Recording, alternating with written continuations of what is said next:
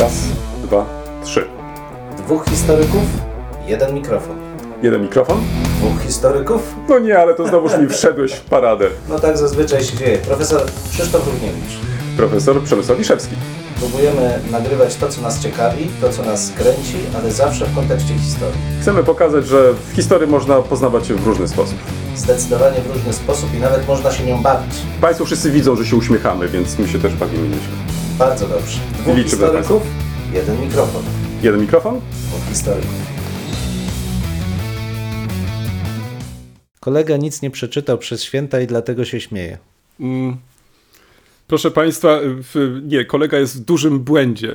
Kolega przeczytał, ale musi Państwa przeprosić i kolegę. Po prostu jest nieprzygotowany do dzisiejszej rozmowy. E, tak Chciałem będzie. przynieść kolejne naręcze książek, które przeczytałem, przejrzałem, które dostałem w prezencie, które kupiłem, ale po prostu kolega mnie dzisiaj zaskoczył. Raz, że o innej porze mm, odbywam nasze dzisiejsze spotkanie. Dwa, że zaskoczył mnie w pokoju, czyli nie w miejscu, gdzie nagrywamy. I tak naprawdę wszystko to się potoczyło, bo z pretensjami, w ogóle z jakimiś takimi no, na twarzy, jakimiś takimi wyrzutami, że już, już czas, już musimy schodzić. Ale skoro właśnie mm, już czas y, i musimy schodzić, patrz, minęły chyba dwa albo trzy tygodnie od, nas, od naszego ostatniego odcinka. Jakoś tak pusto było, przy czym ja od razu koryguję, ja nie zamierzam schodzić, ja jeszcze chcę pożyć sobie długie lata. No, schodzić w sensie takim, no, że trzeba po prostu pokonać schody w górę czy w dół. Dobierać słowa ostrożnie, to nie jest takie hop i tu przechodzimy do naszego tematu dzisiejszego spotkania. A ja chciałem o książkach. A o książkach, no to dobrze, to możemy o książkach jeszcze. No ale jak mamy o książkach, jak ty nic nie przeczytałeś? Czy momenty były?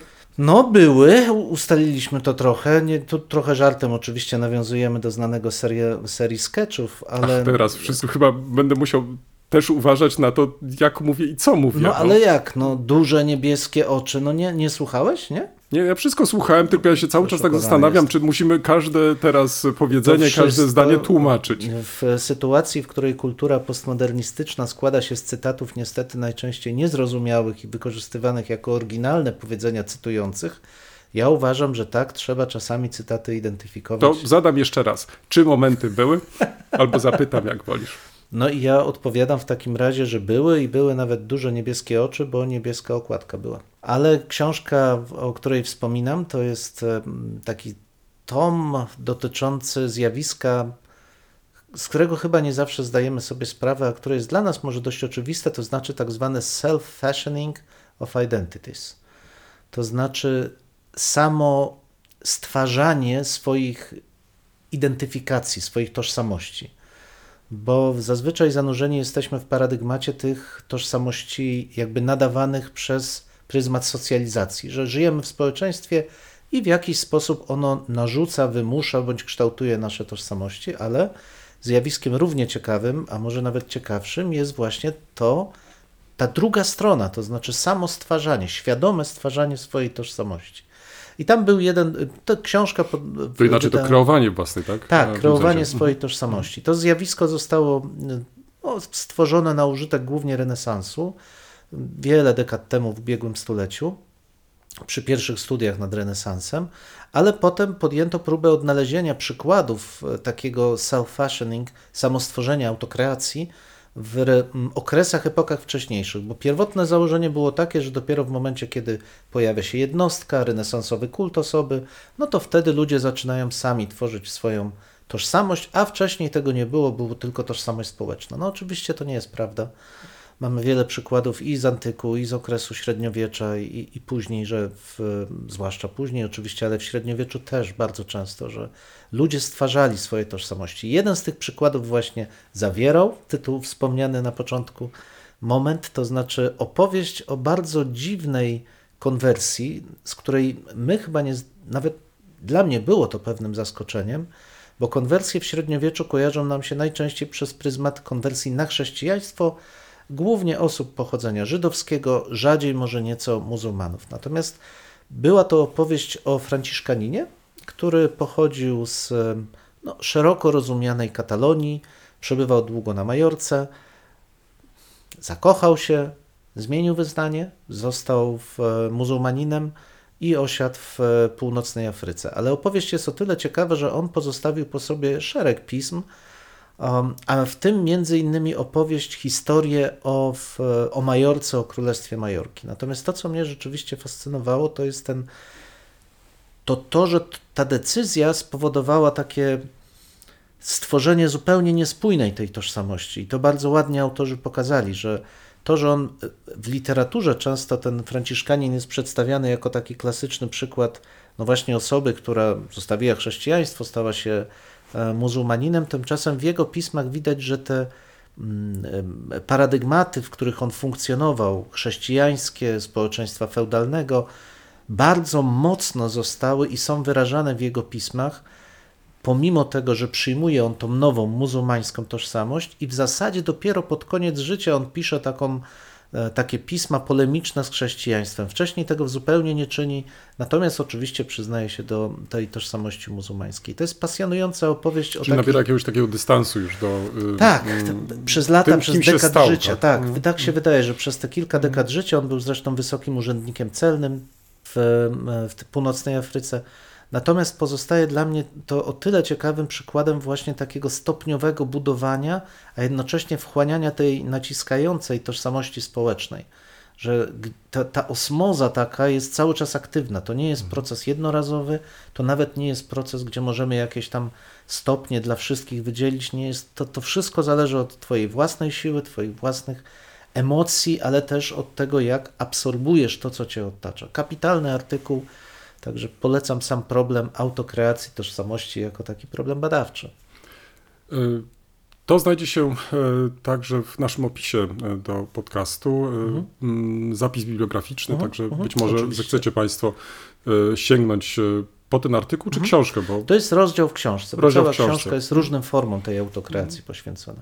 Ja z kolei e, w, może nie będę tutaj zanudzać e, takimi czy innymi rozmowami, które czytałem, bo rozmowa rzeka jest chyba dzisiaj takim bardzo modnym, e, chyba chwytem literackim, bo to nie tylko nazwałbym gatunkiem, co może chwytem literackim.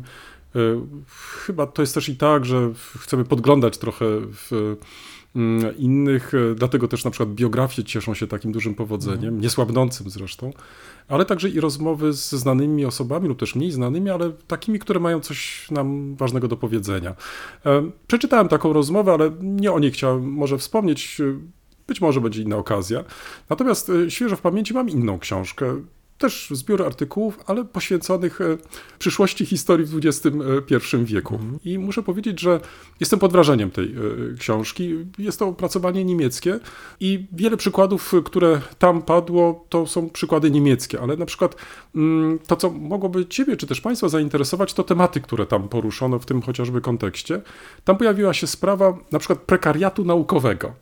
Nie wiem, czy mm, w naszym polskim przypadku mamy do czynienia z takim fenomenem, ale jak się okazuje, w, mm, jest to problem bardzo duży w przypadku uczelni niemieckiej, niemieckich, gdzie wielokrotnie wykorzystuje się absolwentów do różnego rodzaju prac, za które się nie płaci. Po prostu e, oni sami mają, e, właśnie użyłeś tego określenia takiego, że jest coś takiego jak nacisk społeczny, że mają cały czas wrażenie, że jeżeli wykonają e, taką czy inną pracę, to y, być może ktoś inny spojrzy na nich przych bardziej przychylnym okiem, lub też na przykład będą mieli większe szanse pozyskania takiego czy innego grantu i tak dalej, i tak dalej. Muszę ci powiedzieć, że czytałem to y, z dużym zainteresowaniem, y, bo trochę pewnym takim też niedowierzaniem, to znaczy, że, że to jest możliwe, to znaczy, że przy tak jednak rozbudowanym systemie e, szkolnictwa wyższego, w, takiego uwrażliwienia też na problemy innych, że, że takie rzeczy są możliwe po prostu, że to może funkcjonować. dziwi? No, bo ja znaczy akurat powiem tak, że moje doświadczenia, bardzo dobre zresztą z kolegami z Niemiec, przekładają się na to, że większość wspólnych inicjatyw, które ja z nimi miałem, w tym no, kilka ostatnich rzeczy, które publikowałem razem, w, były z definicji darmowe. Znaczy, Twoja praca, moja praca była traktowana jako naturalna pochodna Twojego miejsca zatrudnienia. To znaczy, jeżeli jesteś profesorem, no to prowadzisz badania naukowe i w związku z tym otrzymujesz wynagrodzenie właściwe, a w związku z tym też angażując się w projekty nie potrzebujesz wynagrodzenia dodatkowego. Więc Oczywiście to jest inny prekariat, no bo tam mamy młodych ludzi, którzy potrzebują wręcz tego Albo podstawowego jeszcze nie dochodu. mają, albo tak, Tak. właśnie jeszcze nie mają zatrudnienia. Dokładnie. Także to o to chodzi. Natomiast w naszym przypadku jest ta sytuacja zupełnie inna, to znaczy już teraz mniej, aczkolwiek wciąż, natomiast kiedy jakby ta moja kariera się zaczynała czy rozwijała, no to przepaść między wynagrodzeniami była taka, że propozycja pracy w Niemczech za darmo z tego tytułu, że dostaje jakieś wynagrodzenie w Polsce, mogło budzić tylko żałosny śmiech, no bo to, to było niemożliwe. To jest też ciekawe, bo to jest zderzenie dwóch zupełnie różnych systemów pracy myślenia o tym, czym jest praca naukowa. Ten problem, został, tak, temat. ten problem został jeszcze pogłębiony w innym tekście, który z kolei dotyczył kształcenia, nauczania e, i tego, jak duży procent poświęca się w tym konkretnym przypadku e, niemieckim e, na pracę naukową, e, tą pracę też nazwijmy tą taką administracyjną, no i zadania dydaktyczne. I co się okazuje, że mm, e, średnio, można tak powiedzieć, ogólnie, że na zadania dydaktyczne powinno się poświęcać ponad 50%. Natomiast e, praktyka pokazuje coś innego, to znaczy w centrum nadal są badania naukowe i pozyskiwanie środków zewnętrznych, nawet e, kosztem e, realizacji tych zadań dydaktycznych. E, I na przykład e, to, co, na co zwracano uwagę w, w tym właśnie konkretnym artykule, to między innymi też na to, że e, we wnioskach e, grantowych nie ma na przykład takiej pozycji, jak e, ma się pozyskanie grantu i realizacja takiego grantu do realizacji zadań dydaktycznych. To znaczy, czy tutaj nie stoi to w jakiś sposób, e, mm, e, czy nie jest tu jakaś konkurencja, czy e, jesteśmy w stanie po prostu, podejmując się tego kolejnego zadania, także jednocześnie realizować te zadania dydaktyczne. Ci powiedzieć, że mm, ponieważ jest tam jeszcze kilka innych e, bardzo ciekawych e, tematów, to co nas może w przyszłości też ewentualnie zainteresować, jak e, mm, widzieć też siebie jako historyka w przyszłości, czy na przykład możemy pisać coś takiego, tam pojawia się takie bardzo ładne określenie mm, Fach, Zach, Buch, to znaczy nie Zachbuch, czyli e, coś, co jest tą taką, e, takim opracowaniem em, naukowym, e, w, em, ale jednak skierowanym do szerszego w kręgu czytelników, tylko Fach, Zach, Buch, czyli taka dziwna konstrukcja, ale pokazująca, że jako zawodowi historycy em, możemy być na przykład em, zaangażowani przez jakieś popularne wydawnictwo do napisania na jakiś e, temat, który z punktu widzenia interesów takiego wydawnictwa em, jest ważny, napisanie właśnie takiej popularnej książki, coś, co my właściwie uprawiamy tak naprawdę, ale przynajmniej w tym przypadku niemieckim to dalej jest to jakoś tam rozpatrywane, czy historycy zawodowi mogą pisać tego e, rodzaju książki i jak to jest z kolei przez ich e, koleżanki i kolegów odczytywane. Inny artykuł, który się pojawił też w tej, tej pracy zbiorowej, może na tym zakończę, to jest e, coś, co chyba u nas się też nieczęsto pojawia, chociaż w jakiś sposób chyba się jednak co jakiś czas też e, przebija. To jest sprawa mm, mm, tego podziału na mężczyzn i kobiety, to znaczy jak to wygląda w przypadku e, koleżanek i kolegów niemieckich. I co się okazuje, że jeżeli chciałbyś przyjąć taki podział bardzo ogólny e, ilości profesorów, e, uwzględniając ten element gender, to okazuje się, że to jest taki stosunek w dwóch trzecich, e, lub też jak wolisz, e, no tak, dwóch trzecich, że e, dwa razy, znaczy hmm, dwa razy tyle jest e, profesorów e, e, płci męskiej, a e, znaczny jednak jest, e, mała liczba jest e, właśnie kobiet. E, To też dziwi, bo raczej odczytywałem Niemcy bardziej jako też ten kraj, gdzie mm, stara się zachować tutaj pewną równowagę lub też wspiera się tego rodzaju działania. Na przykładzie tego artykułu e, można się dowiedzieć, że mimo, że istnieją różne programy, to one wcale jeszcze do końca nie są na tyle rozbudowane, żeby zmienić tą e, po prostu tendencję, ponieważ inne organizacje, także też te, które mm, przyznają środki, y, są jednak dalej zdominowane przez mężczyzn i tutaj te układy, układziki, jakie funkcjonują e, w- między kolegami, one są decydujące o tym, czy przyznać taki grant y, po prostu, czy też nie. No, y, Ktoś z Państwa, pewnie Ty też masz już pomału wrażenie, Boże, co on czyta, jakie kryminały on czyta chyba, czy coś innego. Nie, proszę Państwa, może to brzmi trochę jak kryminał, chociaż w takich kategoriach nie chciałbym tego rozpatrywać, tylko tom, który wydaje mi się jak najbardziej potrzebny także i dzisiaj, bo no, czytając y, te materiały, zastanawiałem się, jak to się przekłada na naszą y, polską specyfikę. To znaczy, czy tutaj też możemy wskazać pewne charakterystyczne tendencje, którymi powinniśmy się w przyszłości jednak bliżej zająć, bo y, z jednej strony mamy mm, oczywiście to oczekiwanie, że będziemy jak najbardziej tworzyć tutaj na potrzeby rynku polskiego, ale też w jaki sposób musimy się odnaleźć jako historycy. To znaczy, e, dzisiaj zamykanie się tylko w gabinetach praktycznie nie jest możliwe. Stoimy przed ogromnymi wyzwaniami. My naturalnie sprostaliśmy tym wyzwaniom, bo chociażby ten podcast jest tego dobrym przykładem, że e, wychodzimy z tą naszą wiedzą też na zewnątrz.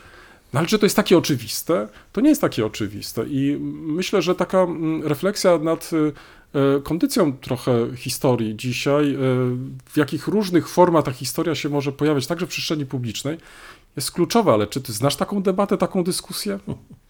Myślę, że o przestrzeni publicznej nie. Wiem, że w takie refleksje czy namysł metodologiczny nad perspektywami historii, ale ja wiem, czy perspektywami raczej tym, co się wydarzyło w historii. To pojawia się czasami, chyba nawet na najbliższym zjeździe historyków polskim w Białymstoku, tak? Będzie sesja, czy sekcja nawet tam poświęcona, ale to wszystko jest właśnie raczej w kontekście czasów minionych, PRL, tego typu rzeczy. Natomiast co do przyszłości nie, no, a rzeczywiście wypadałoby przynajmniej z dwóch powodów o tym rozmawiać.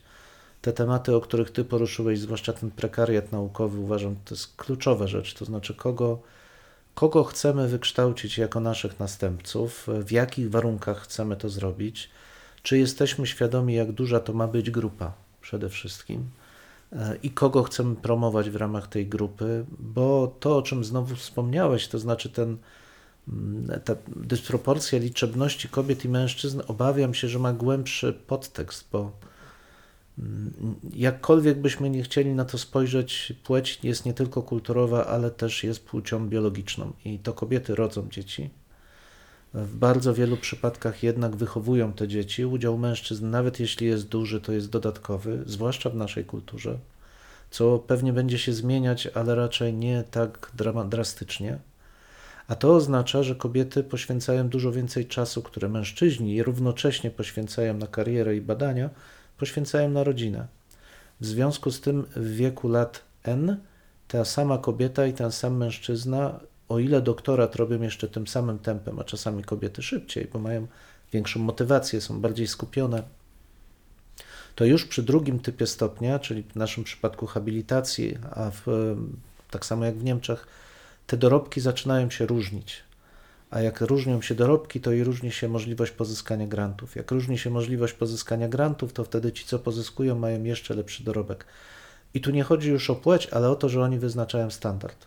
No tak, tylko że tutaj naturalnie mm, y, przedstawiasz to jako taki bardzo tradycyjny model, mhm. jednak rodziny, ale cały czas musimy mieć też na uwadze, że mm, to może w przypadku polskim jest y, możliwe, natomiast w przypadku niemieckim myślę, że ta sytuacja jest bardziej złożona, to znaczy tutaj y, y, funkcjonowanie jednak na zasadach y, wolnych związków jest może bardziej rozpowszechnione. A tu przybadaj to. Sprawdź prostą Wiesz, rzecz. No, ile, os, ile kobiet, profesorek jest rzeczywiście, nie wiem, jeżeli to, tylko że to będzie trudne. To będzie trudne, tak. tak jest stanu wolnego, a ile jest mężatek z dziećmi? To Ale wiesz, może, badanie. bo myślę, że nie chodzi tutaj podczas tych naszych rozmów tylko, żeby chwalić, ale myślę, że mhm. można byłoby też zwrócić uwagę na mm, pewien element, którego mi zabrakło w tej, tej, tej publikacji. To we wszystkich póki co artykułach, y, które przeczytałem to jednak takiego troszeczkę szerszego spojrzenia. To właśnie mhm. to przed chwilą, o czym ty powiedziałeś, to znaczy tej możliwości też porównania, zestawienia z innymi danymi lub mhm. też innymi krajami. Mhm. Bo mnie się wydaje, że mm, to byłoby rzeczą taką cenną, bo y, to chyba, co stale chcemy podkreślać, y, także podczas tych naszych rozmów, że trudno historię jakoś zaszufladkować tylko do jednej narodowości. To znaczy, no, to jednak jest ponadnarodowy sposób y, patrzenia, widzenia, myślenia. E, także i w tym przypadku, że trudno też y, historię w Niemczech zaszufladkować, tylko zamknąć właśnie w tych narodowych y, tak ramach. Jest. No, mhm. ja, czy to, to, jest kolejny artykuł, który gdzieś tam w, w trakcie tych świąt sobie czytałem, wydany na przełomie nasz stuleci, ale wciąż aktualny, dotyczący tak zwanej historii powszechnej, historii europejskiej, tej, tej transnacjonale Geschichte, e, coś, co, o czym już rozmawialiśmy, ale z perspektywy tego, czy jest sens w ogóle prowadzić refleksję w kategoriach narodowych nad trendami w historiografii. Bo to jest jakby przyzwyczajenie, mhm. że prowadzimy ją z perspektywy narodowej. No i konkluzja była moim zdaniem dość oczywista, ale zdecydowanie dwoma rękami się podpisuje, że warto ją upowszechniać, że nauka właśnie nie zna granic, zwłaszcza w tej chwili. O ile dla XIX, pierwszej połowy XX wieku to mogło być jak najbardziej akceptowalne, o tyle teraz przyspieszenie w wymianie informacji, kontaktach, no właśnie, przedepidemiczne, także podróżach, tworzeniach zespołów badawczych powoduje, że raczej myśl kształtowała, no to, to zaznacz, powiem za chwilę, dlaczego w czasie przeszłym, te trendy naukowe i należy je rozpatrywać właśnie jako prądy naukowe z ewentualnymi wariacjami państwowymi czy narodowymi, bo to, to były właśnie odmiany. To, Natomiast to, co obserwujemy i dlaczego mówię w czasie przeszłym, obecnie, to znaczy to wyciszenie kontaktów, zmiana charakteru kontaktów międzynarodowych, ale też wzrost tendencji no, nacjonalistycznych w różnych państwach, może faktycznie wpłynąć na kształt debaty historycznej. I to rzeczywiście jest coś, co wydaje mi się z uwagą należy obserwować. To postawmy tutaj kropkę, bo mm, myślę, że mm, ten temat moglibyśmy pewnie i ciągnąć dalej, chociaż myślę, że on jest na tyle ważny, że powinniśmy co jakiś czas e, wracać i być może wrzucać jeszcze kolejne jakieś mhm. E, e, wątki, takie, żebyśmy mogli mm, być może nawet nie tyle się sami przekonać, bo raczej my się nie musimy przekonywać co do tego, ale pokazywać też wagę i znaczenie właśnie mm, tego zróżnicowanego traktowania historii. To znaczy mhm. nie tłaczania tej historii tylko właśnie do tych jednych ram, to już obojętnie jakich, e, ale pokazywania, że mm, no, no, jest coś takiego, co jest płynne, to znaczy, że, że przekraczamy i staramy się tutaj też e, w jakiś sposób e, pokazywać, że to jest kluczowe, że to jest ważne, ale jest jeden warunek, bo wiesz, to co mi się teraz rzuciło w oczy i, i chętnie bym też może jeszcze jedno takie PS wstawił. E, czytałeś coś po polsku, czy, czy e, w, bo, bo, bo zwróć uwagę, że, że my rozmawiamy teraz o literaturach w obcych językach mhm. i do czego zmierzam? Zmierzam do tego, że tak jak mówimy o tym, że ta historia nie zna granic, tak chyba też i ta nasza recepcja historii też po części nie zna granic, bo Mm, to prawda, mm, od razu bije się w piersi. Nie znam kilku języków e, mhm. na tyle i na tyle wystarczająco, żeby się poruszać swobodnie w, w takim czy innym e, dyskursie, ale nawet nie znając, mam taką potrzebę przekraczania tych granic. To znaczy, jest dzisiaj już tyle różnych pomocy, które pozwalają ci przekraczać te granice, że to nie jest żaden problem. Więc zmierzam do tego, że e, to jest kwestia tej otwartości, to znaczy tej ciekawości poznawania i e, świadomości, że tego nie można faktycznie zamknąć. Zdecydowanie, no to wielokrotnie też o tym mówiliśmy, że my potrzebujemy pewnej ambicji poznawczej, pewnego takiego wewnętrznego, powiem, pędu do wiedzy, to brzmi to bardzo źle, ale to nawet nie jest pęd do wiedzy, to jest radość z poznawania inności radość z rozwijania siebie. Bez tego nie ma dobrego naukowca i być może to też jest, wracając do tych naszych wcześniejszych rozważań, jeśli mówimy o prekariacie naukowym, to też trzeba postawić pytanie, czy tworzenie takich klimatów prekariatu naukowego jest rzeczywiście z korzyścią dla nauki. Czy ludzie, którzy wykonują pracę naukową, żeby przypodobać się tej czy innej strukturze społecznej, żeby w nią wejść, będą w stanie śmiało, świadomie kształtować obraz nauki. To hmm. jest też hmm. jedno z wielu hmm. pytań, które mi tak snują się o tym prekariacie naukowym, kiedy go. Może wiesz, e, w, jeśli się okaże, że w, także i w, Państwa będzie interesować ten temat, to możemy się w którymś hmm. momencie bliżej e, nim zająć. To jest też tak, że czytając e, takie czy inne materiały kolegów, koleżanek zagranicznych, ma się czasami wrażenie, hmm, okej, okay, e, to być może jest specyfika, ale od razu jakaś taka jest chęć zestawienia, porównania. No tak, ale jak to jest właśnie u nas? I bez tych twardych danych, o których przed chwilą Mhm. też mówiłeś, no trudno nam jest też jakoś w miarę sensownie się wypowiedzieć e, na ten temat, ale zawsze możemy się przygotować, więc ja myślę, że to jest żaden problem. Chociaż dzisiaj chcieliśmy rozmawiać na całkiem inny temat, który mi zadałeś i e, pomału nasza minut. rozmowa już e, e, mija, tak, ale przynajmniej go zasygnalizujmy, po to tylko, żeby e, pokazać, że mm, te dwa albo trzy tygodnie przerwy w, sprawiły, że chcielibyśmy tyle wątków podjąć, że praktycznie No, ale ja to połączę, żeby nie było, No, bo no dobrze, no mieliśmy dobrze. rozmawiać dzisiaj o tym, jak e, szeroko rozumiana natura wpływa na historię. Znaczy, czy O, właśnie, to miał być główny tak, temat naszej rozmowy. Tak, tak. No oczywiście pod wpływem naszych doświadczeń wirusowych. Ja próbowałem zastanowić się nad tym, czy możemy wskazać taki jeden nurt i tu nawiązując do, naszych, do naszej wcześniejszej rozmowy, powiedziałbym, że nie da się określić, czy ja bym nie potrafił określić takiego, mm, ta, takiego prawa.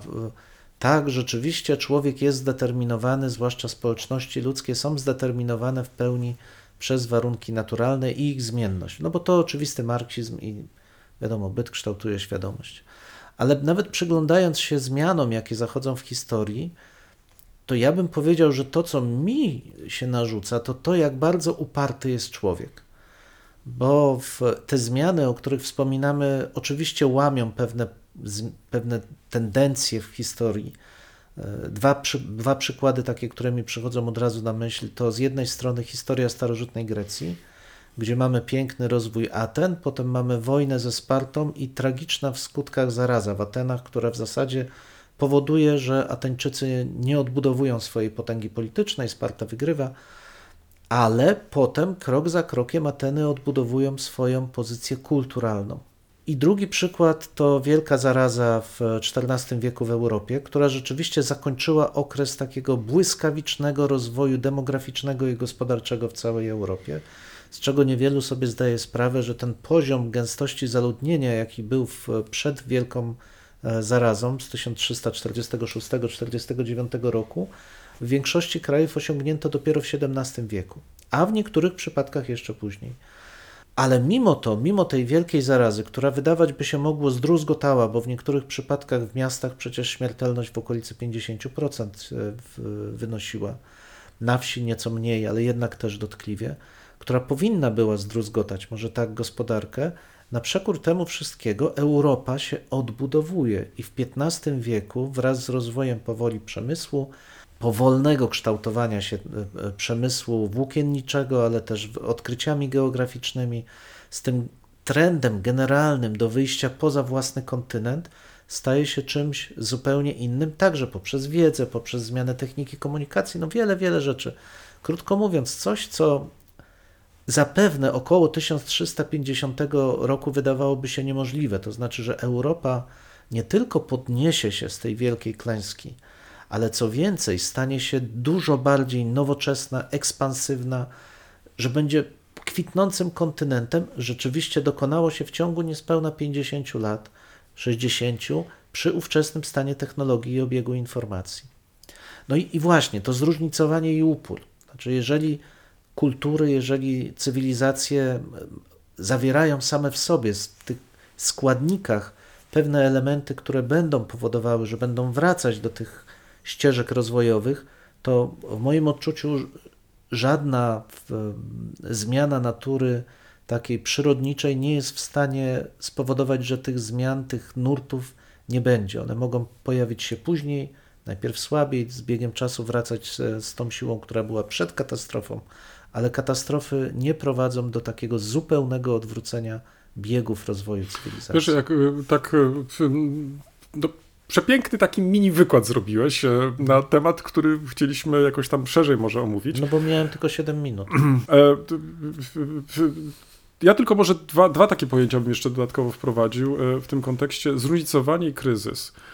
Mnie się wydaje, że być może jednym z powodów, który sprawia, że e, to wszystko się jakoś odradza, to jest właśnie to zróżnicowanie, że e, trudno mówić o jakimś takiej e, jednym wymiarze, to znaczy gdyby to faktycznie był jeden wymiar, to łatwo byłoby to wywrócić, prawda? Bo, albo wrzucić do kosza i sprawa Tak. byłaby zamknięta. Natomiast ponieważ jest to i był system naczyń połączonych, że trudno było wszystko zaczynać od nowa. To znaczy, no pewnie tak też się działo, ale to, to raczej nie o to chodziło. To znaczy tutaj e, być może jakąś ambicją, może jakimś uporem, no nie wiem, cały czas z kolei przywołuje jakiś ten mit o Syzyfie, że, że jednak e, mimo, że coś się tam wali, rozpoczynamy coś od nowa, prawda? To znaczy może, na pewno inaczej też.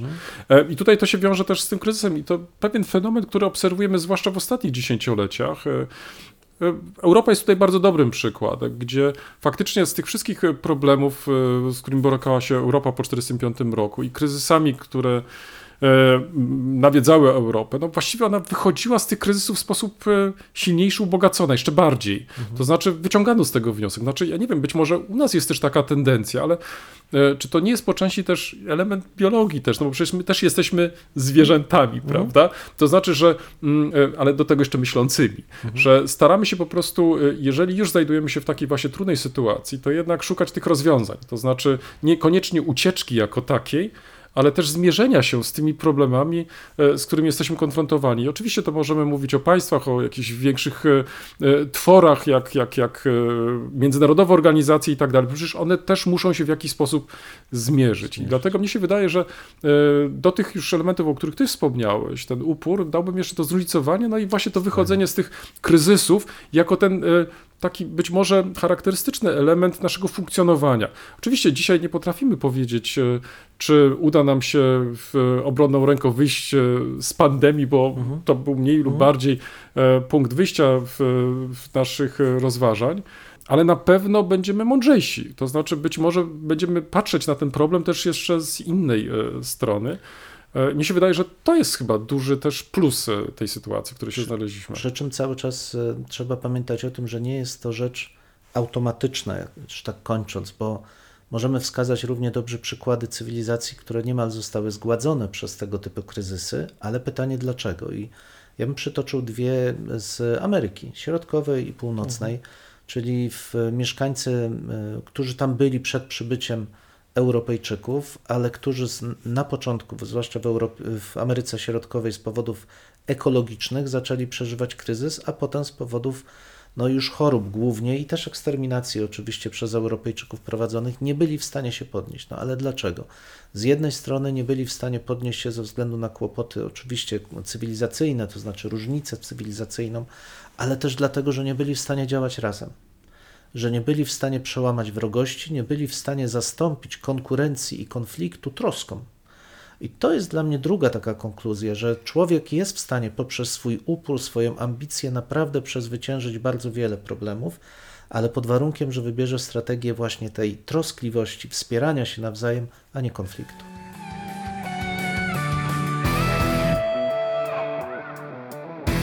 W tym miejscu stawiamy kropkę lub też jak to woli kropkę nad i. No, mamy nadzieję, że to nie jest koniec, że to jest początek Waszych dyskusji. Mam nadzieję, że Was zaciekawiliśmy. Prosimy o komentowanie naszych zmagań z historią. Poniżej zdjęcia jest wystarczająco dużo miejsca. I pamiętajcie, nie regulujcie odbiorników. No, my naprawdę tak brzmimy. E, tak, chociaż być może czasami e, może trzeba ściszyć. No może czasami ten nasz rechot by się przydało wyciąć nawet. Dwóch historyków, Jeden mikrofon, jeden mikrofon. dwóch historyków. I do usłyszenia Państwu. Do usłyszenia.